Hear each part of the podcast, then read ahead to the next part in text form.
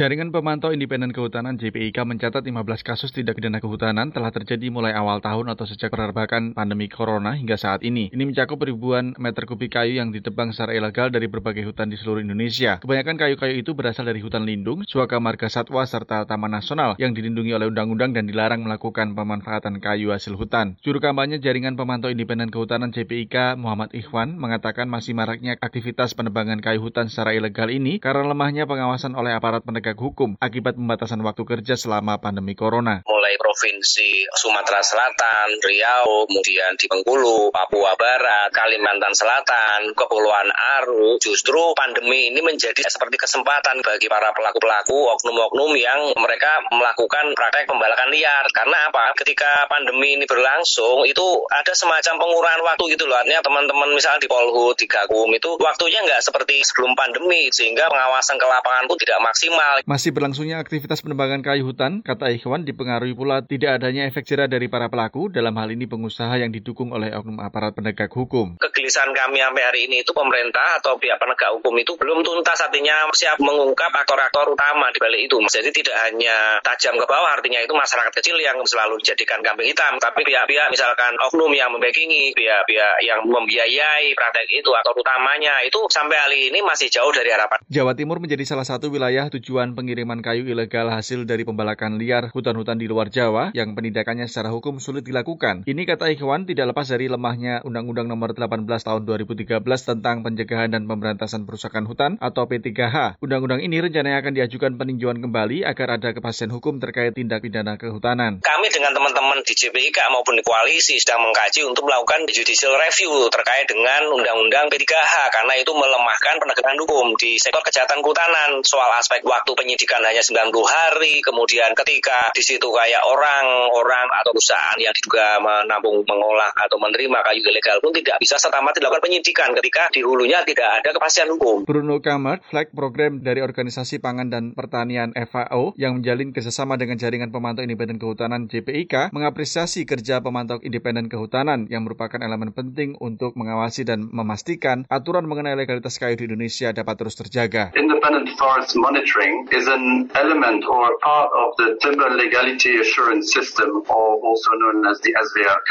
The SVRK is a key element of the voluntary partnership agreement, which was signed in 2013 between Indonesia and the European Union. Dari Surabaya, Jawa Timur, Petrus Rizky melaporkan untuk VOA.